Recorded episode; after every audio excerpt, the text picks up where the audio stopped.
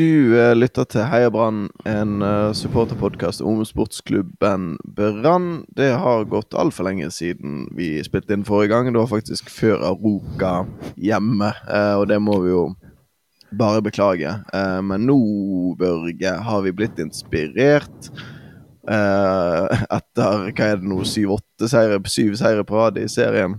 Og du var, du var på Åråsen nå for en helg siden og uh, VIF hjemme, der var jeg også nå, og den skal vi straks tilbake til. Men uh, hvis vi bare Hvis vi begynner litt med Åråsen, det er jo en stund siden du har fått vært bortekamp her på Østlandet.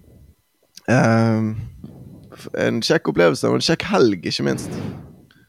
Ja, det var jo um, um, det var jo selvfølgelig utrolig kjekt å, å, få, eh, å få, se Brann vinne borte. Det er jo alltid, alltid gøy. Og så er det veldig lenge siden jeg har vært på Åråsen. Jeg tror nesten det er ti år siden. Um, og det er ikke så ofte jeg egentlig reiser østover for å se Brann. Um, uh, nå, nå, ble det jo en cupfinale i år, og så var jeg på Brann kvinner i mars mot Lyn. Uh, men uh, det var uh, et kjempeopplegg. Uh, altså Det var først og fremst en kjempetiming med den altså den Lillestrøm-kampen. Det var en utsatt kamp, sånn europautsettelse. Um, og den falt seg samme helg som Fjorden Baby-konsert på Blå i Oslo. så da tenkte jeg at dette er jo no-brainer, her er jeg nødt til å reise. Så får du en, en lørdag, skikkelig kokende lørdagskveld med masse bergensere og så får du en søndags ettermiddag som ble veldig kokende med masse bergensere og, og andre folk som uh, er glad i sportsklubben Brann. Um, så nei, det var absolutt ingenting å klage på. Det var jo kjempefint vær i Oslo, som det av og til er, har jeg forstått. Um, og vi fikk jo til og med en, uh, en seier uh, med oss hjem, så det var Eh, det var en, eh, en eh, over middels bortetur til Østlandet, vil jeg si. Mm, ja, jeg har jo fått meg hund nå, og i dag så gikk jeg tur med han, og da var det litt regn ute. Bitte litt. Og så fikk jeg sånn våt hund. Og da eh, tenkte jeg på det bare sånn Åh, hvor utrolig irriterende med våt hund. Og da sto det jo på meg faktisk hvor utrolig sjeldent det regner her borte. Så det har du helt eh, rett i. Og apropos den Fjorden babykonserten òg, altså Ofte så når man er på um, brannkamper og man, har vært ute dagen før, så kjenner man alltid litt, og det kan slå ut på mange forskjellige måter. Men akkurat den sto jo ut på en måte som jeg aldri trodde at jeg skulle oppleve, og som var helt ny for meg. Fordi at når jeg begynte å hoppe til den der 'Hvis du elsker Brann, så hopp', så fikk jeg altså så Det var nesten kampetendenser. Det var skikkelig sånn melkesyre etter bare få sekunder. Fordi at jeg hadde allerede hoppet så ekstremt mye dagen før på Fjorden Baby. Til himmel og til alle de der uh, hoppenumrene. Så uh, når, de da, når han der forsangeren uh, roper liksom ja, 'siste gang', så var jeg Jeg var nesten ferdig allerede. Og jeg vet jo ikke helt hvor det gikk med deg, Børge, men idet vi er ferdig med den hoppesangen så snur jeg meg til venstre, og da er du rett og slett borte. Jeg vet ikke hva som skjedde. eh, nei, det var ikke mer dramatisk enn at eh, klokken var blitt eh, et, uh, et, tidspunkt, og, og jeg er i en alder der uh, en viss uh, Hva skal man si regularitet når det gjelder magen, uh, er påkrevd. Sånn at jeg, jeg måtte ta en pause fra stadion, å, eller fra kampen, for å besøke og undersøke bortefasilitetene på toalettene på Åråsen.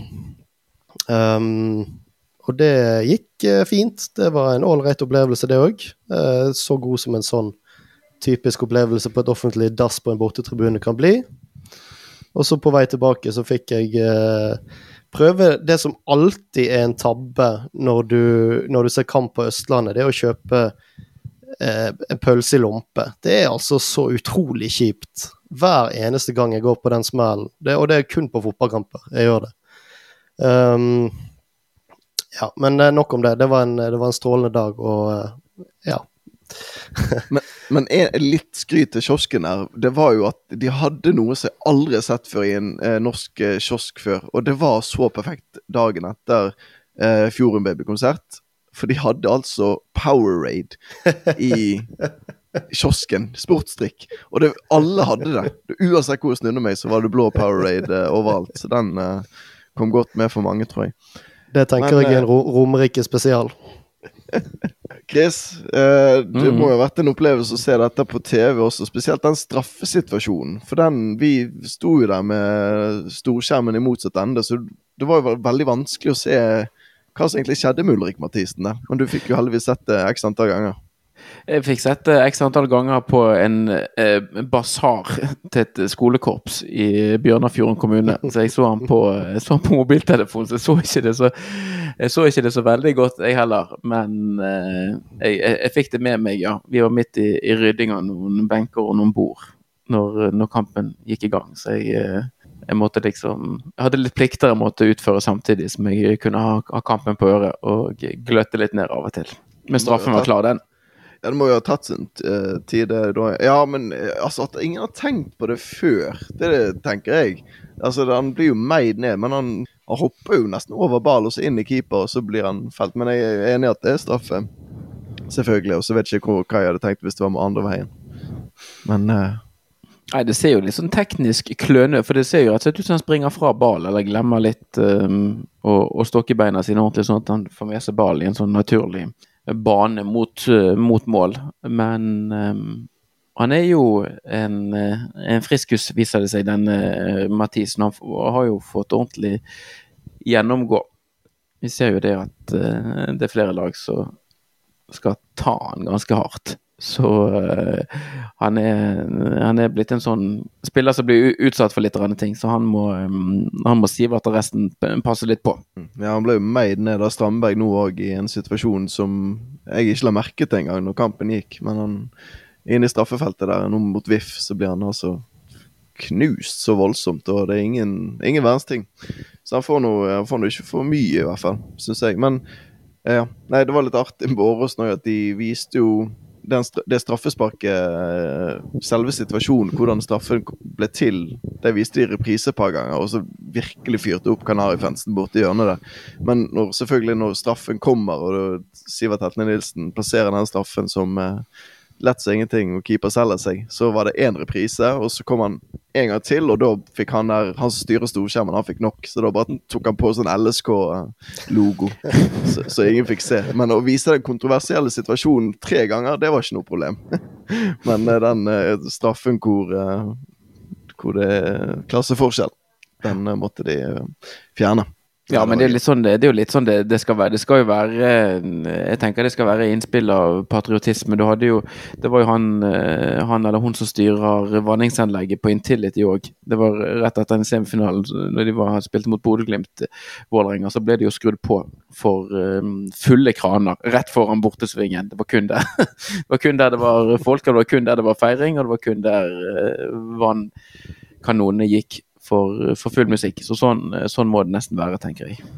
Men sånn var det jo også i kvartfinalen i sommer. Da var det Jeg la jo ut en melding på Twitter om det, men det, altså det sekundet Brann-spillerne har liksom gjort ferdig oppvarmingen sin og kommer gående mot, så skrus det vanningsanlegget på. Jeg måtte jo Altså, jeg hyller det. Altså, det er jo sånn det skal være. Men uh, at de påstår at det er tilfeldig, da uh, Det virker jo litt merkelig. Men uh, skjedde ikke denne gangen, i hvert fall. Det var jo, uh, det var jo kjekt. Vi kan jo egentlig hoppe over på den uh, kampen, hvis det ikke er mer fra Åresen du har lyst til å ta opp, Børge. Det var shuttlebuss. vi har vært på Burken hele gjengen. Shuttlebussen hentet oss. Ble sunget på, på veien tilbake inn. Det var litt gøy, syns jeg. Ja, men det var jo et litt spesielt opplegg. fordi de hadde tydeligvis tatt skrekken etter den uh, Rosenborg-kampen. For, for, nå skulle vi bli busset fra togstasjon til Åråsen. Det var beskjeden vi fikk, men så plutselig så var det, det var kun én buss eh, som skulle gå i liksom eh, ja, frem og tilbake hele tiden. Så etter hvert så får vi bare beskjed Nei, dere kan, bare gå den andre veien. Det går helt fint, det. Uh, så um, Nei, det var spesielt, uh, spesielle greier, det der. Men uh, det løser seg noe fint. Jeg tror de fleste kom seg på kamp og Og det ble en, eh, en bra dag. Det, det var ikke engang altså, det var altså Greit det er ambisiøst å få alle Brann-supporterne med på én buss, men det var ikke engang en leddbuss. Altså, det var, de var jo virkelig ikke noe det Virket veldig lite gjennomtenkt, det der. Men ja. Nei, vi eh, legger LSK bak, eh, bak oss, og så eh, må vi nyte den VIF-kampen litt, altså. Der var det jeg, Når de plutselig havnet under der, um, så måtte jeg bare opp med mobilen og så sjekket jeg liveoddsen. Da var det fem til Brann, og der eh, røk en 200-lapp der. hadde så, de, de hadde jo ingen, ingenting av spillet. Absolutt ingenting som tilsa at her kommer det til å snu. Men jeg bare tenkte på nå har de vunnet så mange kamper på rad. Det, så god de var mot Lillestrøm. Det, det må jo gå an å snu dette. Eh, og det gikk veien, det. Men jeg prøvde, jeg prøvde å skjule det for de sto rundt meg, for det, det føltes utrolig flaut. Skammens uh, betting det der. Å gå inn og livebette på Brann når, det- når det ligger under og har spilt så dårlig. Du er den eneste jeg kjenner som better på Brann. Ja, jeg spiller alltid Jeg var inne og hadde flere bets på eh, VIF denne søndagskvelden. Både på Jeg spilte ikke før kampen, men jeg spilte på 1-1, og så satte jeg en god sum på stillingen 2-1 til Brann. Ja, men Det der mellomfornøyd-greiene, det klarer ikke jeg, altså. Det skal ha, skal ha himmel eller helvete. Det er jo derfor jeg holder med Brann òg, i utgangspunktet. Ja, nei, det er laget av eh, noen andre greier enn um, tidligere Brann-årganger.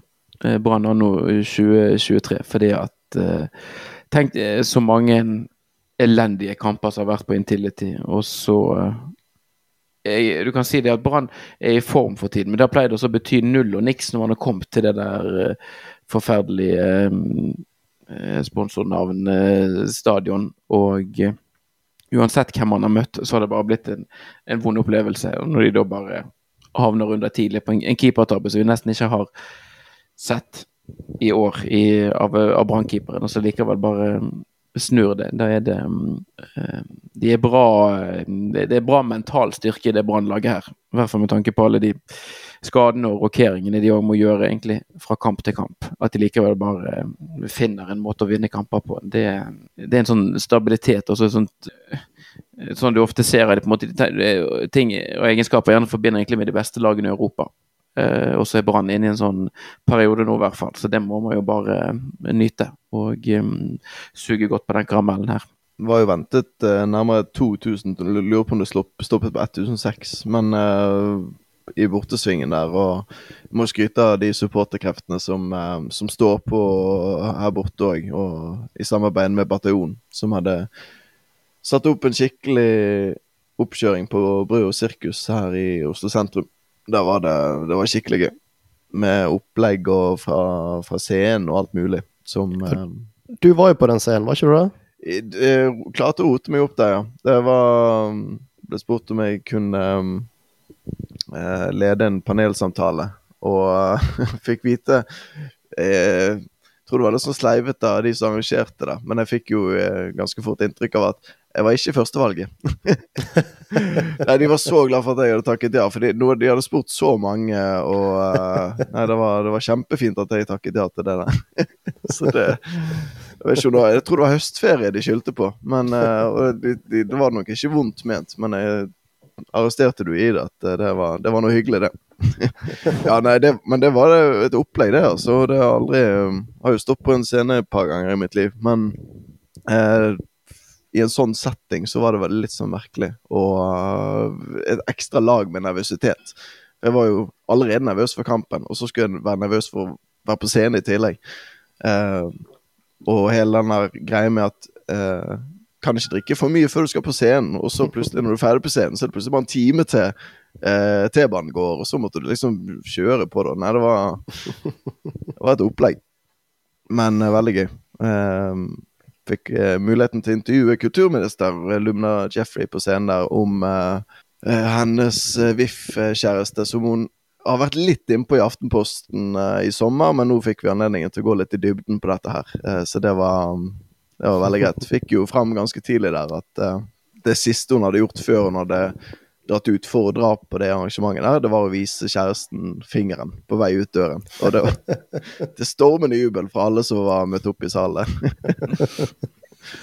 Men det var uh, Kan jo bare si det jo at det, var, det er første gang jeg i hvert fall har vært med på sånn, noen sånn scenegreier i forbindelse med en kamp. Og um, både plusser og minuser med det. Men uh, det, vi merket jo det at det ble en sånn summing etter hvert. Uh, med at folk ikke Folk har lyst til å prate, sant? selvfølgelig, før en sånn kamp med hverandre og kose seg. Og, så vi, vi holdt ikke på altfor lenge. Håper i hvert fall at vi, uh, vi klarte å runde av i tide. Men Ja, det er der er- artig. Det der er jo en litt sånn knivsegg å balansere på. eh, For mange år siden så eh, var jeg og Chris eh, eh, og hadde livepod uh, på en endagsfestival helt i begynnelsen, og det var tydeligvis helt feil arena. For da var alle veldig giret på å snakke sammen og uh, og eh, egentlig alt annet enn å høre på eh, semi Kan ikke kalle det fornuftig snakking, men eh, men eh, ja, nei, det er og spesielt for en kamp, for da har man en klokke som tikker. Så det er litt sånn eh, eh, Det er artig, men folk blir kanskje fort litt eh, utålmodige. Så uh, uten at jeg var der, så uh, virket det nå som det var interessante folk dere hadde på scenen, så dere løste det sikkert på en ålreit måte.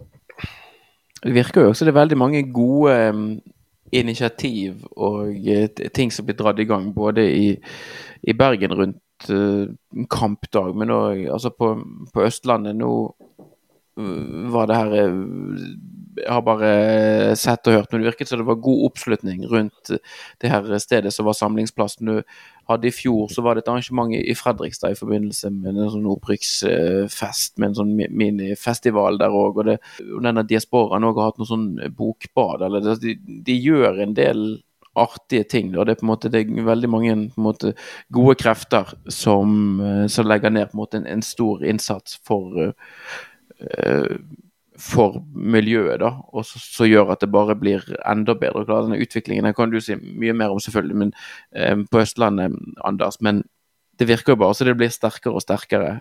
eh, og eh, at, at man har klart å bygge en ordentlig sånn tilhørighet der man det tidligere jeg har vært, Mitt inntrykk har vært at det har vært ganske sånn fragmentert, og du har hatt det der BBØ som på en måte har vært noen, men kanskje ikke alle i like stor grad har identifisert seg med det. Men at man nå at det virker som det er enda mer eh, høyere samlingsfaktor, da, hvis man kan si det sånn.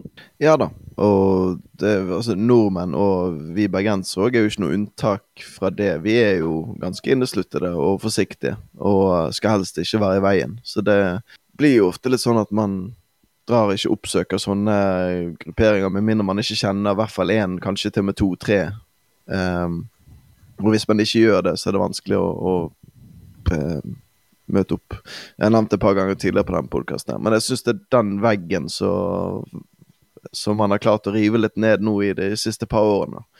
Og um, håper jo egentlig at eh, sånn som Viking, for eksempel, de må jo ha masse uh, folk som bor i Oslo, at de ikke finner ut hvor enkelt det er. For da, da kommer det plutselig bli masse diaspora, vikings og greier på tribunen. Og fullt kjør. For de sitter nok Jeg tipper det er en god del siddiser som sitter rundt omkring i Oslo som har veldig lyst til å dra på kamp, men som ikke har noen å dra med. Så akkurat sånn som jeg gjorde for eh, for eh, fem, eh, fire-fem eh, år siden. Det tviler jeg ikke på. Det, var et klipp her som gikk sin seiersgang òg. Jeg tror det er fra Aroka-kampen. Eh, Men ta det med en liten klype salt bort. Eh, Om det var på en pub eller noe i Oslo. Det- du, når du ser de bildene og du ser hvor mye folk det som er der, så tenker du ja, nå er du på en måte Nå er, det, eh, nå er du hjembyen til det laget som spiller en viktig bortekamp i Europa. og så er du ikke det. Altså, det er bare mm, Det er et helt eh, fantastisk klipp. som vi, eh, vi kanskje skal se om vi finner, eller det, det ligger et eller annet sted på internett. Jeg tror det er 1-2-målet borte mot Aroka.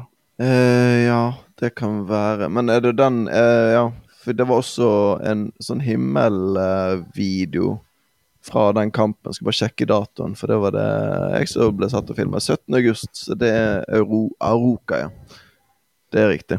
Um, nei, det var knallgøy, det. Og det Det er jo selvfølgelig alltid morsomst å se kamper live. Ehm, men eh, ja, du, sånn som du sier, når man klarer å samle så mange folk på en eh, pub eh, midt i Oslo sentrum, så funker det også. Det liker jeg også veldig godt med den puben som heter Peoples. Den ligger jo ikke ved Youngstorget, men på et sånt torg eller plass rett ved siden av. Og det er sånn Det er der Sentrum Scene og sånt ligger. Det er en sånn svær sånn plass utenfor hvor masse folk går rundt, og det er street food og alt mulig. Så det er masse folk der. Og når det virkelig koker på en sånn sommerdag, og sånn, så må du åpne vinduene. Og da blir det jo fullt kok og kjør ut der, og alle som går forbi utenfor, de lurer på hva i alle dager er det som foregår her. Og er det noe vi bergensere er glad i, så er det jo eh, oppmerksomhet rundt vår kollektive særegenhet og eh, opphaussing av oss sjøl. Så det er flott sted, det, da. Helt nydelig. Nå touchet vi jo så vidt innom Europa, men det var jo Eh, det er ikke mange brannkamper jeg har fått med meg i Bergen, men den Alkmaar hjemme, den fikk jeg med meg, og det var jo eh, Vi har jo ikke spilt inn podkast siden den gang, det er jo lenge siden, men eh, ja. For en opplevelse. Det, vi så jo den sammen, Børge. Ja. Um, ja, nei, altså begge de to uh, sier hjemmekampene i Europa uh, var jo uh, um, helt, helt spesielle. Det var en vanvittig stemning på begge to. Og den Alkmaar-greien, der må jeg ærlig talt si Jeg tror jeg, jeg, jeg husker uh, jeg ble så jævlig skuffet etter kampen. Jeg tror det var uh, De fleste tok det med fatning, men jeg gikk fullstendig i kjelleren. Så jeg, jeg, jeg, hus, jeg tror jeg har fortrengt det, det, er det jeg gjør. Det er det jeg har lært meg å gjøre med Brann. Når jeg blir skuffet, så fortrenger jeg ting. Så jeg, jeg husker liksom målene, og så husker jeg stemningen. Men ellers så den, er den kampen i, eh, litt i uh, i grått for meg, fordi uh, Ja, det ble uh, Vi var så nærmt noe stort, men herregud, for en, uh, for en prestasjon av dette laget. Nok en, en enorm Altså, denne, denne sesongen vi har fått nå, så altså he, all, Alt som foregår nå Nå blander vi oss inn i, i, i medaljekampen. Vi har faktisk bronsemedaljen i, i våre egne hender. og noen snakker om gull, og det er jo helt vanvittig med tanke på hvor vi har vært. og Vi, vi har allerede cupgull, og vi har vært to runder i Europa. og vi er liksom Ja, så altså begge de to rundene i Europa var jo eh, noen sinnssyke opplevelser. Um, jeg tror den, til tross for at det bare ble eh, uavgjort eh, nede i Alkmaar, så tror jeg det, det er den gøyeste brannkampen jeg har sett på TV på, på, ganske lenge. Rett og slett fordi at du følte at her eh, et, et, virkelig håp. og sånn, De spilte så jævlig bra, føltes det som, mot et lag som skal være mye bedre. Og så kommer vi til den uh, uh, hjemmekampen, da. Og så, ja um, Ble jo det som det ble, men det var for en uh, For en prestasjon. Ja, jeg sitter bare igjen med Du skal prøve å mimre litt der. Det var ufattelig mange sånn inntrykk. Og altså, jeg um, jeg tror aldri jeg har eh, det, det, er veldig få i hvert fall brannkamper jeg tenker at har eh, gitt meg eh, større inntrykk. og på en måte du har Det er sånn følelsesmessig berg-og-dal-bane. og er en, det er jo en sånn stemning som er helt annerledes alt annet. Um, og der på en måte um, Stadion kan jo på en måte være troll når det går litt imot Brann. og på en måte um, At det er mishagsytringer og piping og på en måte Men det var bare sånn Alle på banen var heltent, og alle på tribunen, på alle fire tribuner, var liksom på, altså, Det var hver eneste takling, hvert eneste kast, så var det folk oppe og sto og hauset, og på en måte Det var jo helt riktig innstilling fra alle. Jeg, jeg følte på en måte både de på bane og tribune, alle sammen la ned det de kunne for dagen. Og så var det ufattelig kjipt at det ikke gikk.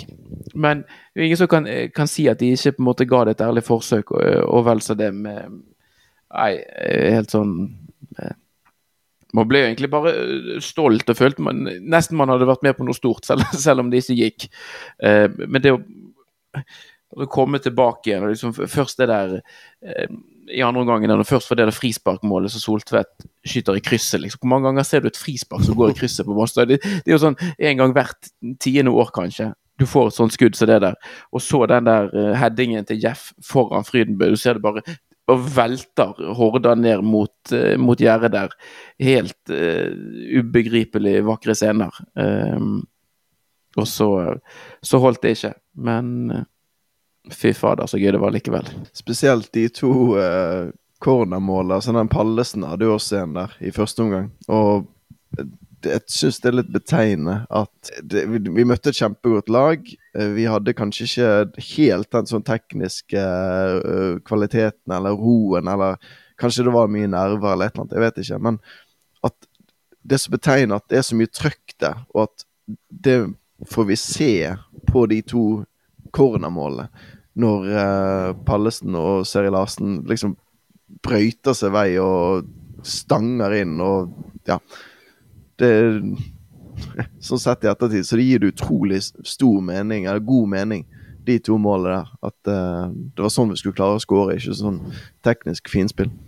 Når stemningen er sånn som den er. Um, og, men, men, faktisk, det så, av en eller annen merkelig grunn, så er ikke det de to minnene som sitter aller sterkest igjen hos meg. Selv om det var jo helt ute av en annen verden når de to målene kom der. Men det som sitter aller sterkest igjen for meg, er jo når Fredrik Børsting bommer på straffen, og så går det 0,9 sekunder, og så er det noen som starter Fredrik Børsting allé, som er en, det er en gladsang.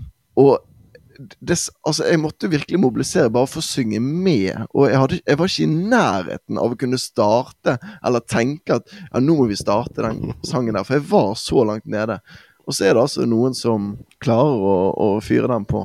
Og um, ja. Så, som uh, ut av ingenting, føltes det ut som. Men uh, før jeg rakk å begynne å synge med, så var det så mange som sang med allerede at når jeg begynte å synge med, så var det litt flaut. For jeg var så seint å, å slenge meg på det. Nei, det var um, flott øyeblikk. Akkurat det der ja. ja, nei, akkurat det der er jo litt betegnende for uh, den følelsen vi har for, for laget i år. Og eh, ikke minst, som Kristoffer sier, altså vi kunne ikke bedt om noe mer. De, de, de, har lagt igjen absolutt alt de kunne på banen for å få det til. Og de har gjort en, en helt vanvittig innsats, og det vet alle eh, på stadion og i alle andre som måtte følge, følge med. Og da er det jo den eneste Den eneste riktige reaksjonen er jo å, å på den uh, litt lei avslutningen, er jo å bare hylle den personen som dessverre sto i, i sentrum for det, fordi uh, ja, han og alle andre hadde jo jobbet uh, som noen helter i egentlig alle i hvert fall de tre siste kampene av europaeventyret også. Ja, så det var eh, Nei, det var eh, Det er, det er et brannlag å være stolt av dette. Eh, og det følte Altså akkurat det der er Ja, det er mange andre årganger som ikke hadde fått den, den reaksjonen på et, på et tap. Men, men disse er det, selv om du har et par spillere som fortsatt er litt kontroversielle, så, så er det, det er virkelig en, et lag som er utrolig lett å like nesten uansett hvordan resultatene går. For du ser, du, du ser hvor hardt de jobber, og hvor mye de ønsker det samme som vi ønsker. Og da er det, det er, det er veldig lett å backe opp det de driver med på det de prøver på. Og så er jeg veldig spent på når vi sitter her til neste år, den opplevelsen. Er, enig i at nå har jo Bergen har jo våknet som europaby. Det er jo en måte, det, det, tror jeg faktisk ikke er et blaff. Jeg tror det kommer til å være veldig godt besøkt eh, når Brann forhåpentligvis skal spille en sånn kvalifisering til, til et eller annet eh, til neste år også. Og eh, jeg tror eh, fansen har fått uh, litt sånn smaken nå. Jeg tror spillerne Jeg tror det kan være altså, det, det, er jo ikke en bra greie at de ikke klarte å kvalifisere seg, men jeg tror det var det at de i det hele tatt måtte kom så langt som de gjorde, var så utrolig nære mot et kjempegodt fotballag. Uh, at de både fikk en følelse av at ok, det er, ikke, eh, det er ingen umulighet dette, men samtidig òg Kanskje da gjennom vinteren og på en måte i oppladningen til dette, at de skjønner vi må på en måte må skru det til et lite knepp eller to la det på en måte være den der gulroten som henger litt, litt foran de der. Så den opplevelsen der tror jeg, eh, sånn som det virker som Horndaland, Huseklepp og resten Dette er noe som de kan, faktisk, kan klare å bruke til sin fordel, og noe de kan eh, dra nytte av og eh, ta med seg inn i den neste kvaliken. Jeg tror vi har enda større sjanse da i, i den kvaliken.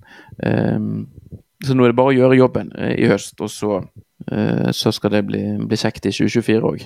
Kjempegodt poeng det der med at uh, Bergen har våknet som europaby. For det virker jo som en selvfølge nå, men det har det jo på ingen måte vært. Og det har vært så mange tomme tribuner i det som, det som vi burde fylt opp.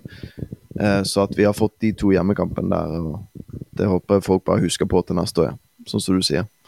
Uh, og så må jeg jo jeg må si en ting òg om børsting, og det at det, jeg syns ikke vi skal slenge han som en sånn her eh, Og det ble han jo ikke heller. Han ble jo ikke den syndebukken som alle liksom erger seg over nå. Men uh, må slenge en liten uh, Når han har vært så solid ellers i sesongen, så syns vi skal slenge en liten en til Dyngeland. At han burde nå tatt i hvert fall én av seks straffer. Du kan ikke slippe inn seks straffer på han.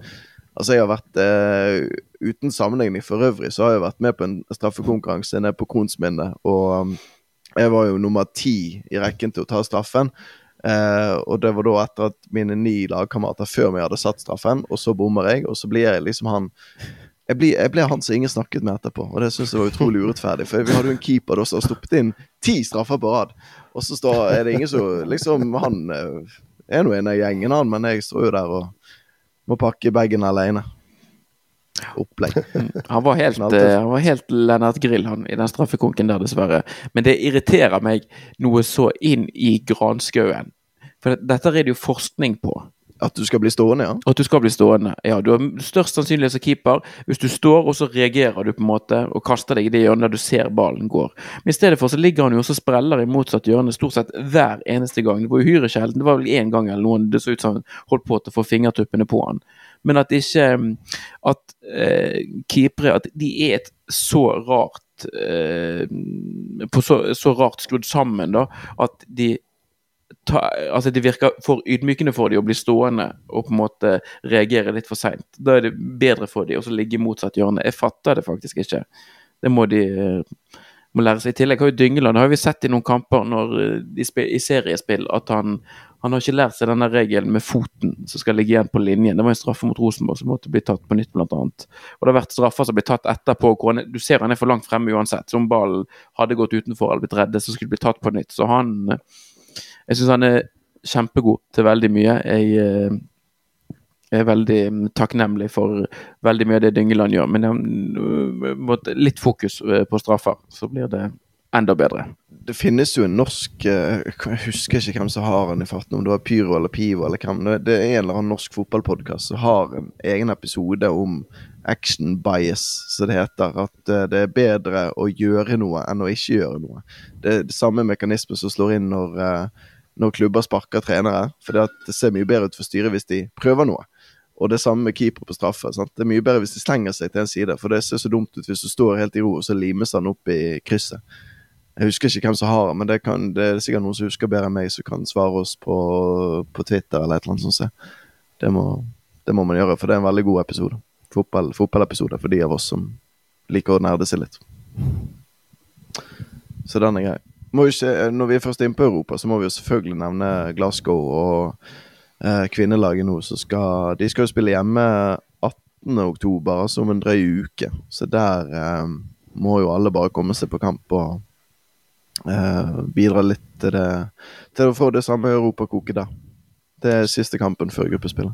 Solgt over 3000 billetter allerede til den kampen. og Hvis de kommer fra det med æren i behold i Skottland i morgen, så tenker jeg at det kan bli en ganske god oppslutning om den kampen. For så, eh, Herrelaget hadde jo en veldig effekt av et relativt sett godt resultat borte mot Aroka. Det var solgt litt billetter før den kampen, men det tok jo helt av etter. Så eh, Champions League er jo på en måte Det hadde jo vært utrolig, det, å få Champions League-spill på Brann stadion i høst. Så eh, det Der må vi komme og heie på damene våre.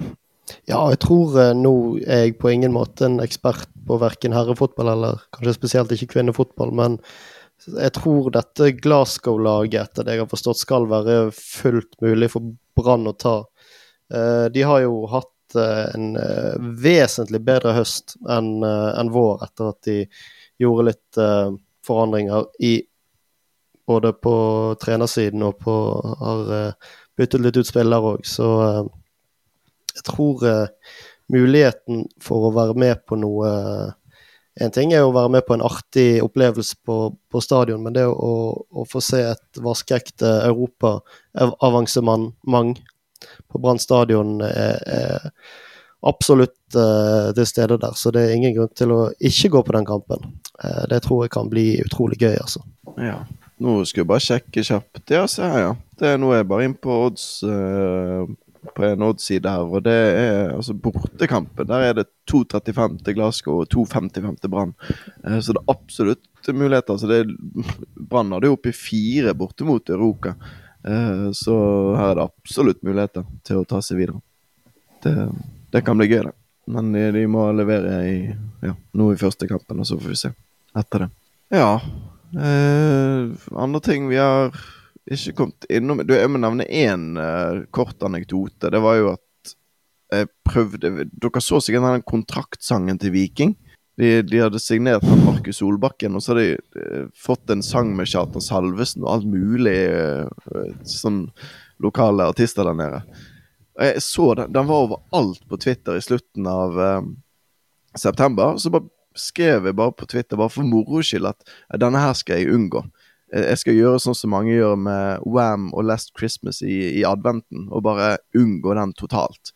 Så lenge som de går, altså, lar seg gjøre.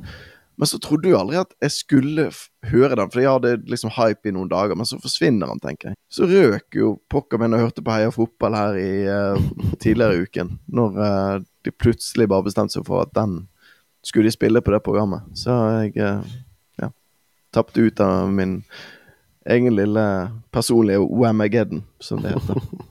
Der. Forferdelig. Og jeg er så glad for at de har eh, ramlet ned fra den der gullstriden. Nå er de tre poeng bak Bodø-Glimt, og det er så deilig.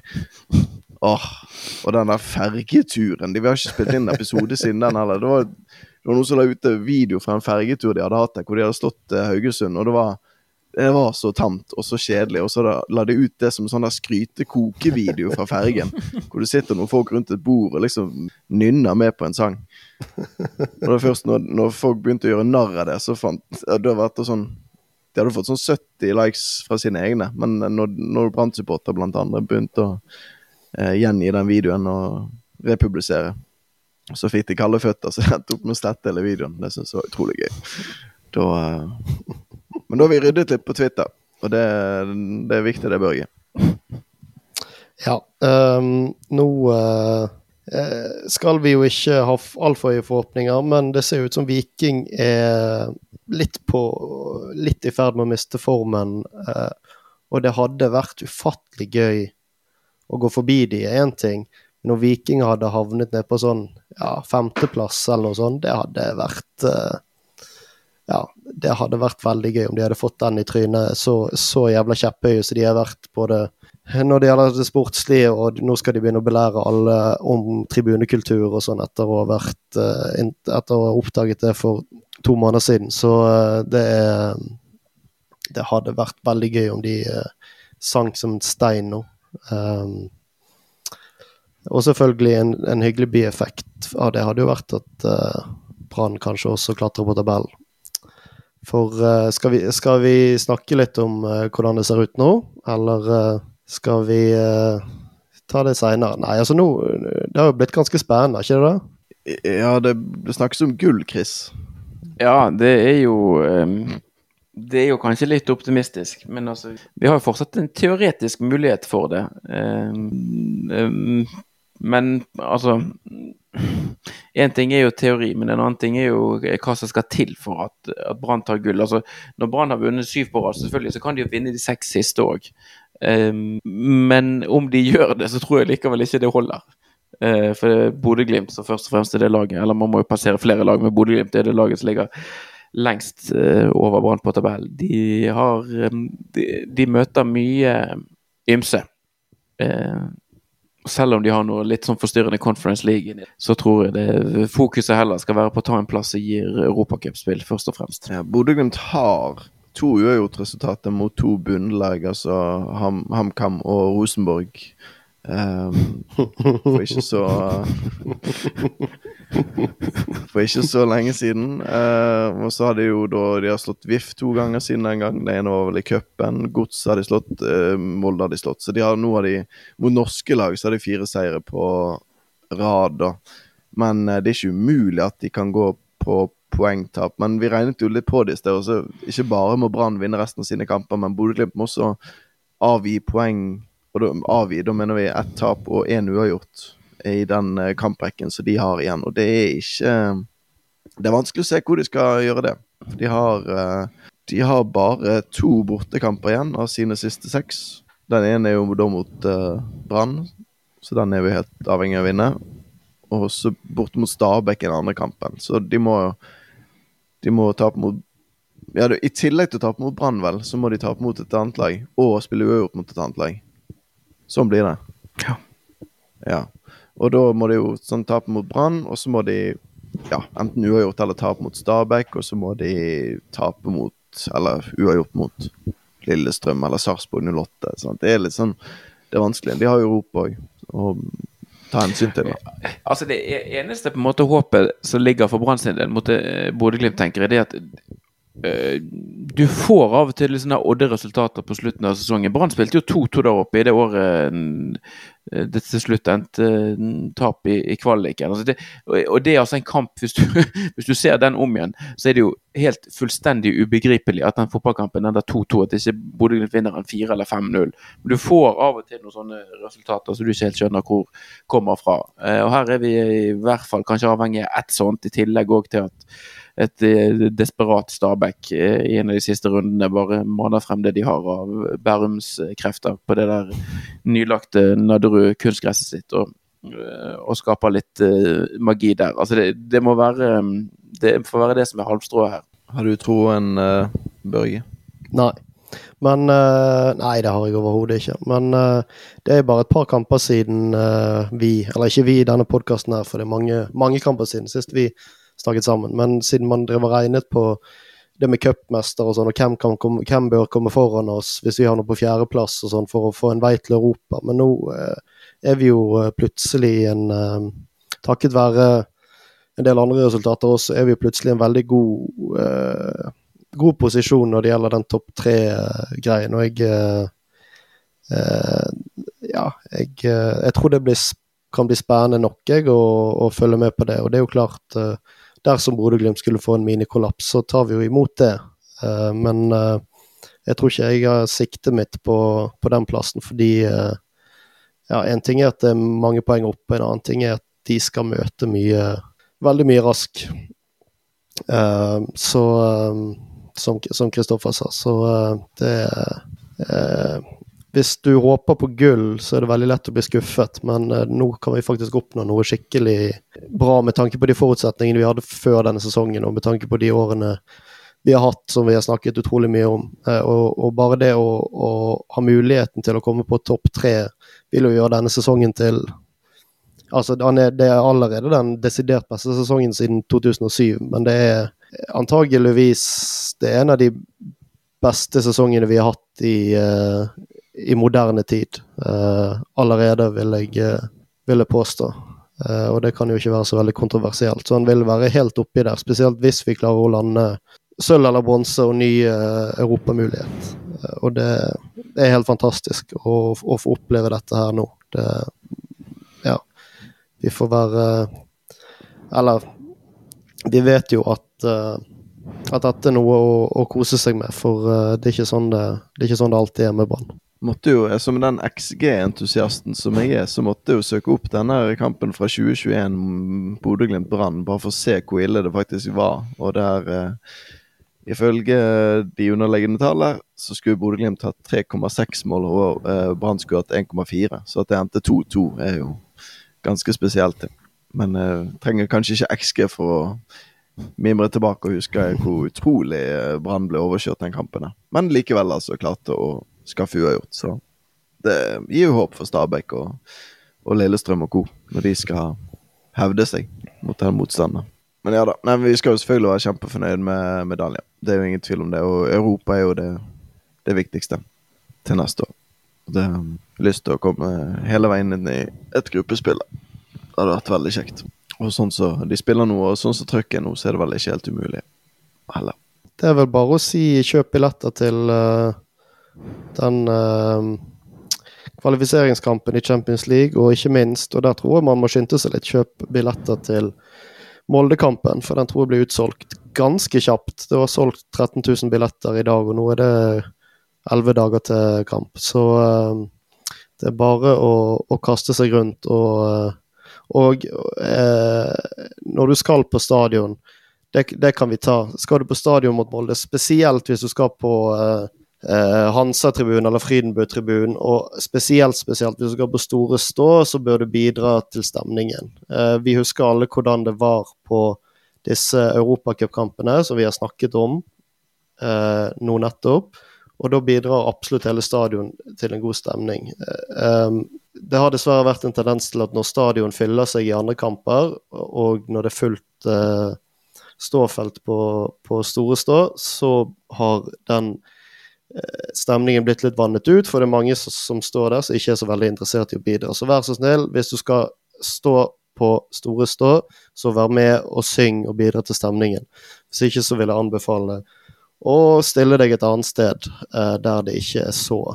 For den, altså Det er helt greit å ikke ville, ville synge og hoppe og, og, gi alt du har på, på kamp, selvfølgelig, men, eh, men den, den eh, De plassene er allokerte til, til eh, stående, syngende supportere som virkelig brenner for å lage god stemning på Brann stadion. Så det var eh, en sjelden moralsk formaning fra eh, Heia Brann, en uh, supporterpodkast om sportsklubben Brann, eller hva det heter. Um, jeg liker ikke å være streng, men, uh, men vi er nødt til å den, Altså, den kampen er, er, nødt til å koke så mye som vi kan. Um, fordi uh, nå kommer Altså, det er en uh, Vinner vi den, så har vi tatt et jævlig langt steg mot, uh, mot medaljene. Da har vi parkert Molde. Tromsø på vei nedover, Viking er på vei nedover. Da har vi én fot i medaljene. Det vil jeg nesten påstå skråsikkert. Og husk, hvis du har lyst til å bidra, men er litt usikker på hvordan formen er den dagen der, så er det alltid lov å hoppe, herje, holde på i et par minutter, og så løpe rett på dass.